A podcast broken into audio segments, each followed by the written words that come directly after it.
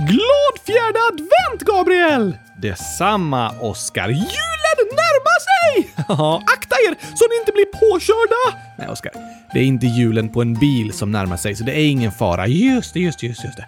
Vad önskar du dig i julklapp? Oj, uh, jag vet inte riktigt. Jag har inte skrivit någon önskelista. Jag kan skriva en önskelista åt dig!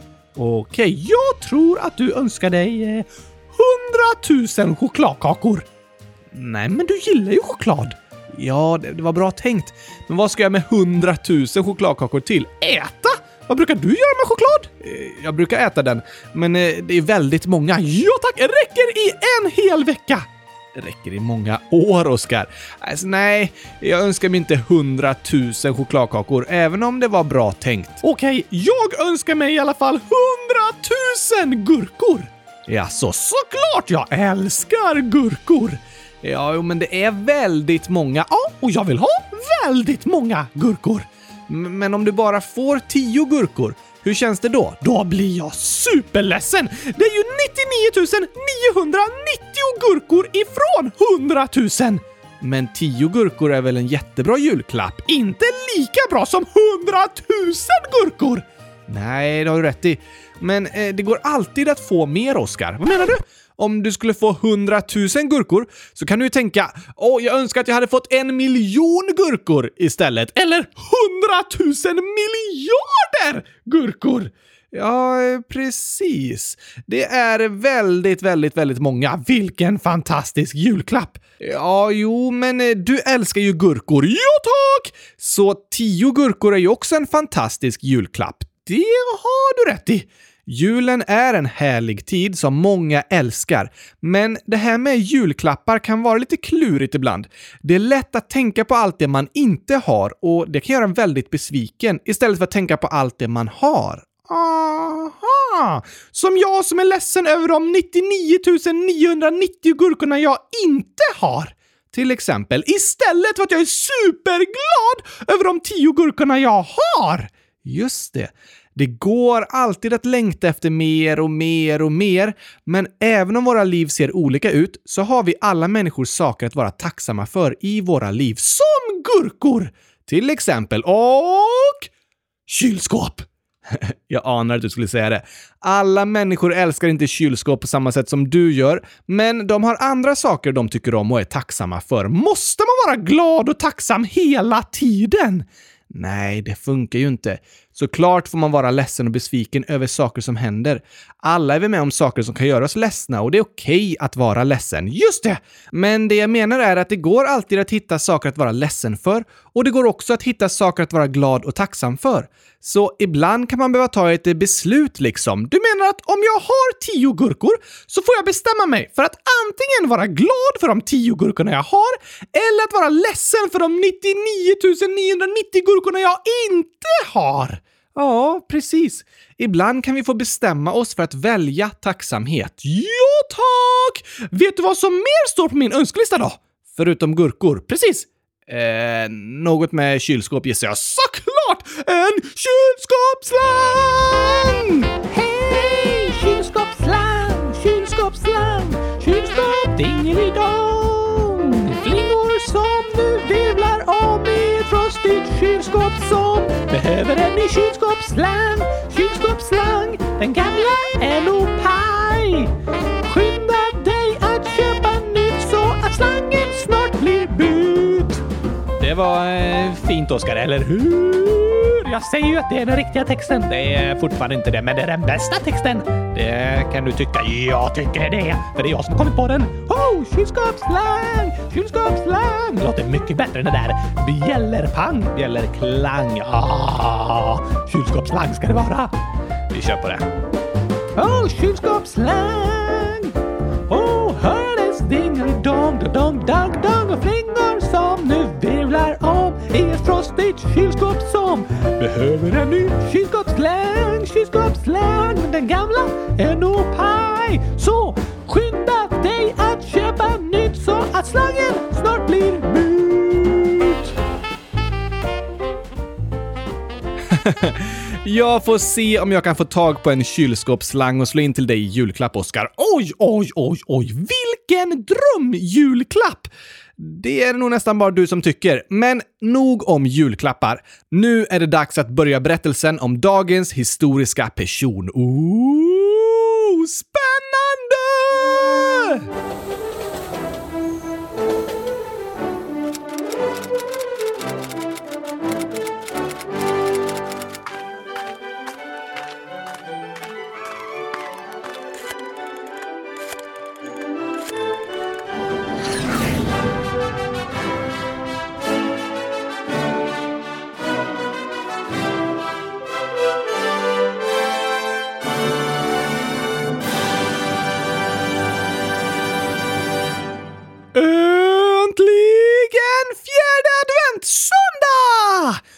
Äntligen det tionde avsnittet i historiekalendern. Vem ska vi prata om idag? Idag ska vi resa många år tillbaka i tiden och berätta om drottning Kristina. Var var hon drottning någonstans? I Sverige. Va? Ja, på 1600-talet. Oj då!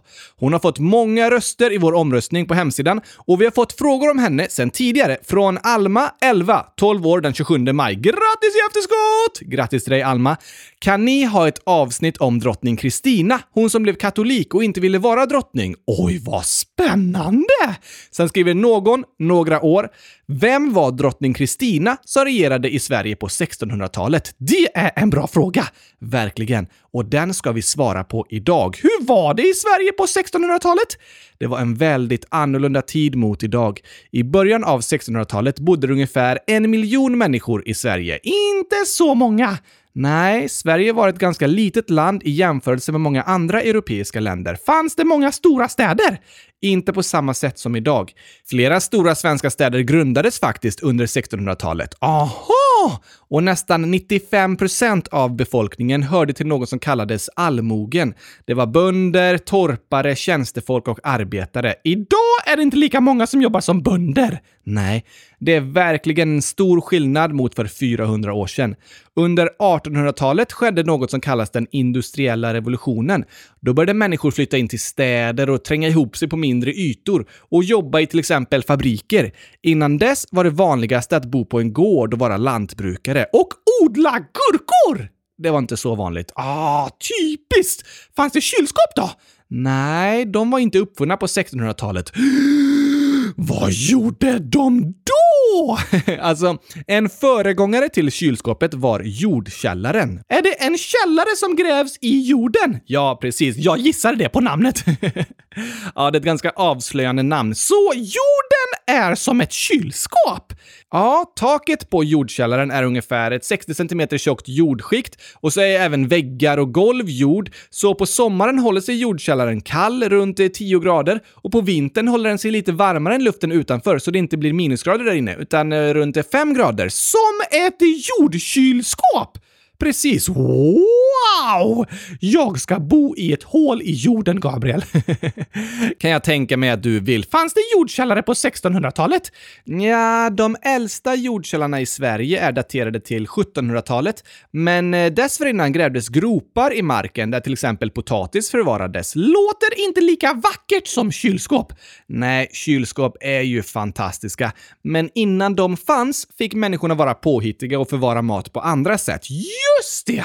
Men dags att berätta om drottning Kristina. Ja, tack!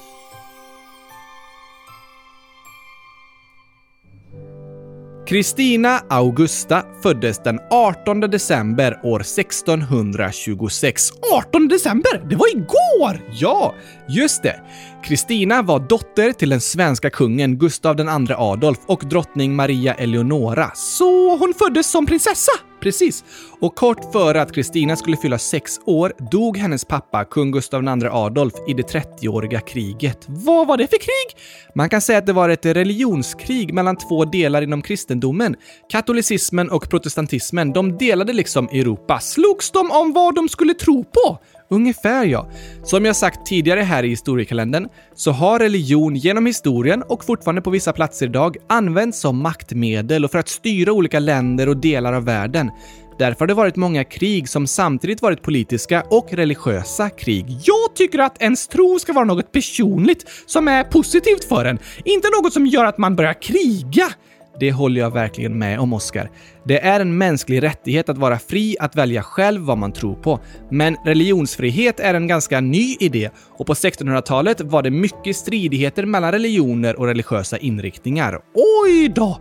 Och eftersom kung Gustav II Adolf dog gjorde det att Kristina blev Sveriges drottning när hon var sex år gammal! Ja, kan en sexåring bestämma över hela Sverige? Nja, det fick liksom vänta tills hon blev myndig. Under hennes uppväxt så styrdes landet av Axel Oxenstierna som var hennes förmyndare. Som en fosterpappa? Ungefär ja. Han tog hand om Kristina från det att hennes pappa drog ut i kriget. Hur var det att växa upp som drottning? Hon fick en väldigt bred och stor utbildning inom språk, teologi och filosofi. Hon lärde sig tala latin, franska, tyska, nederländska, grekiska, italienska och spanska. Wow! Och svenska! Och svenska också såklart. Verkligen imponerande. Och år 1644, det år hon fyllde 18, då började hon regera som Sveriges drottning. Därmed blev hon den första kvinnliga regenten i den moderna svenska monarkin. Hade det där långa kriget slutat då? Nej, det 30-åriga kriget pågick fortfarande och drottning Kristina ledde Sverige, som på den här tiden kallades för en stormakt, genom de sista framgångsrika åren. Sverige slogs på den protestantiska sidan, vilket var liksom en ny inriktning inom kristendomen som grundats av Martin Luther. Aha! Efter det blev fred år 1948 blev det till slut dags för drottning Kristinas kröningsceremoni. Därefter tog hon plats på silvertronen. Hon hade ett stort intresse för vetenskap och kultur och när hon var drottning samlades många av Europas duktigaste vetenskapspersoner, författare och konstnärer i Sverige. Men Kristina ville egentligen inte vara drottning. Va? Nej, antagligen inte. Hon ville syssla med annat som hon var mer intresserad av. Hade hon mycket press på sig att vara drottning? Ja, såklart. Hon blev ju drottning redan som sexåring och började regera när hon var 18 år. Men när hon hade regerat som drottning i 10 år, år 1654, tog hon ett väldigt modigt beslut. Hon valde att abdikera. Vad betyder det? Att eh, avsäga sig tronen, att sluta vara drottning. Oj! Vem tog över? Det gjorde hennes kusin Karl X Gustav som blev kung. Vad gjorde Kristina då? Hon begav sig söderut i Europa och året efter tog hon nästa stora beslut när hon konverterade till katolicismen. Uh, nu var det många krångliga ord igen. Konvertera betyder byta och i det här fallet så konverterade Kristina, alltså bytte till en annan religion. Aha! Hon konverterade till katolicismen. Som de hade slagits emot i kriget? Ja, precis. Så det sågs som en stor skandal i Sverige och i hela Europa. Den protestantiska drottningen, vars pappa dog i kriget mot katolicismen, abdikerade och konverterade till att bli katolik. Men ingen kan ju vara tvingad att tro på ett särskilt sätt. Nej, precis. Antagligen hade Kristina inom sig redan blivit katolik när hon var drottning i Sverige, men var tvungen att först avsäga sig tronen innan hon öppet kunde berätta om sin nya tro. Aha! Därefter flyttade Kristina till Italien och när hon anlände i Rom firades det med stora festligheter. Hon mottogs av påven Alexander II och bytte namn till Kristina Alexandra. I Italien var hon sedan väldigt involverad i kulturliv och jobbade med att grunda en vetenskapsakademi. Var det många som blev förvånade när hon flyttade? Ja, verkligen. Och under de hundratals år som gått sedan Kristina levde är det många historiker som har forskat på och skrivit böcker om hennes liv. Hon är Sveriges mest berömda och omskrivna drottning genom alla tider. Och hennes liv stack ut på väldigt många olika sätt. Hon var en stark personlighet med mycket press och förväntningar på sina axlar. Men hon valde att ändå gå sin egen väg och göra det hon trodde var det rätta. Hon valde att gå emot strömmen! Så kan man säga. Och det är inte lätt. Snart ska vi prata lite mer om det. Men först, dagens skämt! Yes.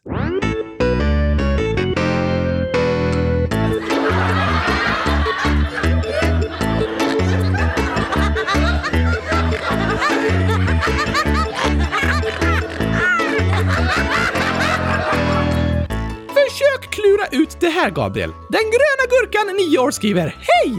Jag har ett skämt. Var älskar korna att vara någonstans? Här, på ängen? Nej tack! Ja, det är väl inte i kylskåpet? Mjölken tycker om det, men inte korna. Just det. Eh, då vet jag inte. Rätt svar är på museum! Den var bra. Den gröna gurkan skriver “Roligt va? Jag kom på det själv. PS älskar eran podd! Ja, det var ett superroligt skämt. Museum. Där gillar korna att vara. Det låter som klurifaxigt, gröna gurkan. Nästa gåta är från Elis, en miljon år gammal. Vad kan alla språk? Oj. Hmm, alltså, drottning Kristina kunde ju många språk. Ja tack, men inte alla. Nej, det finns det väl ingen som kan. Nej, kanske inte någon, men något. Ah, du menar eh, Google Translate? Det kan många språk, men inte alla! Nej, det är också sant. Eh, då vet jag inte. Ekot! Aha! Vilket språk du än pratar på så kan ekot också det språket såklart. För eko är ju ett eko av det du säger. Precis! Klurifaxigt Elis! Verkligen. Och ett sista skämt för idag. Pauline, 7 år, skriver “Vilken fisk gillar att sjunga?” Hmm, sjunga. Kan du gissa på något? Eh, uh, laxsång? Nej, sillililli... Jag kommer inte på något bra svar, Oskar. Rätt svar är tonfisken! Ja, såklart! Den är bra på att ta ton! Det låter ju som Pauline. Tokigt! Tonigt! Ja, det kan vi också säga. Vet du någon annan som också är bra på att ta ton? Du. Jo tack! Kan vi ta en till julsång idag? Ja, men det tycker jag. Då kommer nästa sak på min önskelista. Ny kyl! Ja, men det är väl onödigt att köpa en ny kyl om den gamla inte är trasig, Oskar. Nej tack! Det är alltid bra med en ny kyl, för då har du två stycken! Fast du kanske bara behöver en. Det går aldrig att ha för många kylskåp, Gabriel. Jo, det gör det. Nej tack! Jag önskar alla människor en ny kyl. Det blir en riktigt god jul då. Okej. Yeah, yeah, yeah! Är ni med? Nu kommer nya julsånger av Oskar! Ny kyl önskar vi er alla, ny kyl önskar vi er alla, ny kyl önskar vi er alla och att glass i den står. Ny kyl önskar vi er alla, ny kyl önskar vi er alla, ny kyl önskar vi er alla och att glass i den står. När andra paket har varit till förtret så får du en kyl med sin fullkomlighet. Och ny kyl önskar vi er alla, ny kyl önskar vi er alla, ny kyl önskar vi er alla och att glass i den står. Du kanske haft ett tungt år som lämnat djupa spår men glädjen återvänder när du kylskåpet får. Ny kyl önskar vi er alla, ny kyl önskar vi er alla, ny kyl önskar vi er alla och att glass i den står. Ny kyl önskar vi er alla, ny kyl önskar vi er alla, ny kyl önskar vi er alla och att glass i den står. När kylen börjar fylla dess härlighet du hylla och snart i ditt kök det av vänner börjar krylla. Ny kyl önskar vi er alla, ny kyl önskar vi er alla, ny kyl önskar vi er alla och att glass i den står. Yeah, yeah, yeah, ny kyl till alla där ute. Alla behöver en kyl.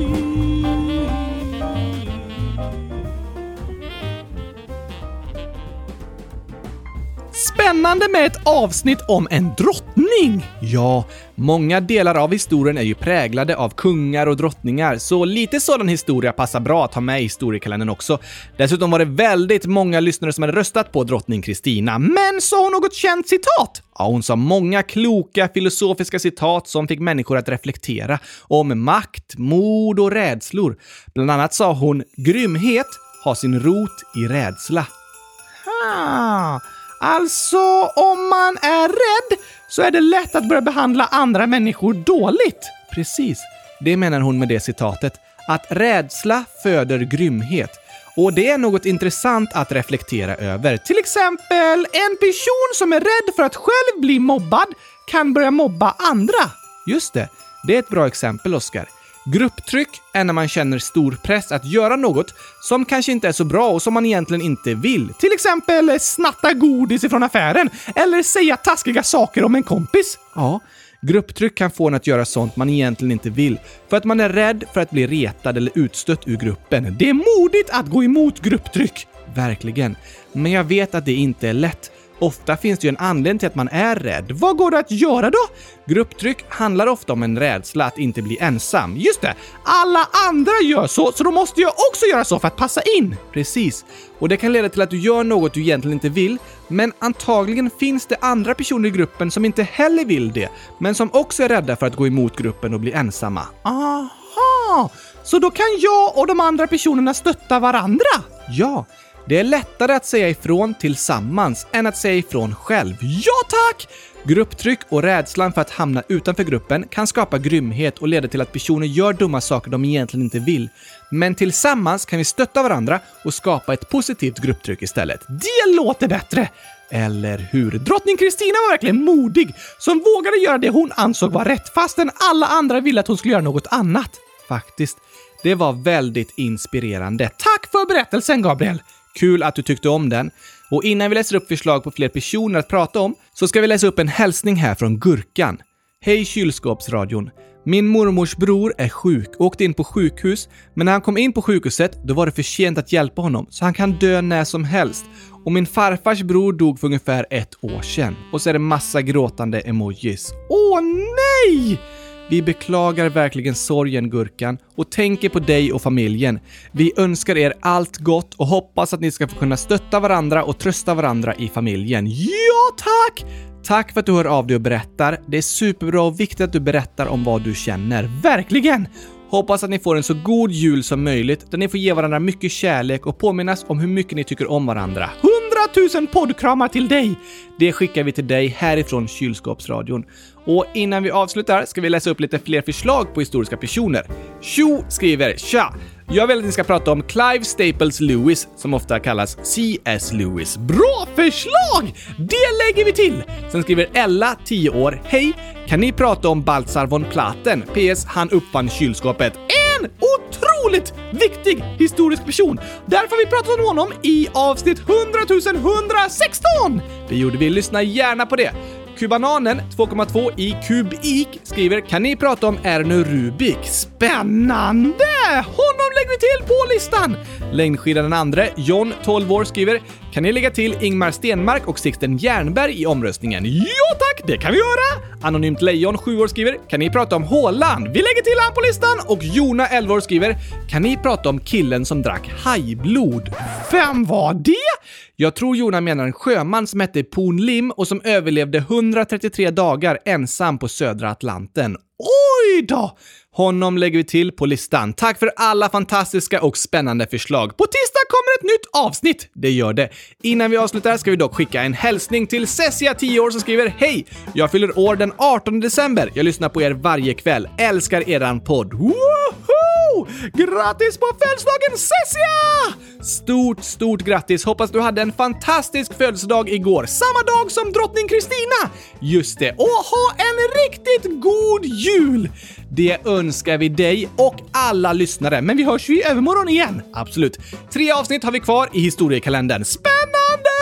Jag håller med. Tack och hej! Historisk gurkapastej. Hej då!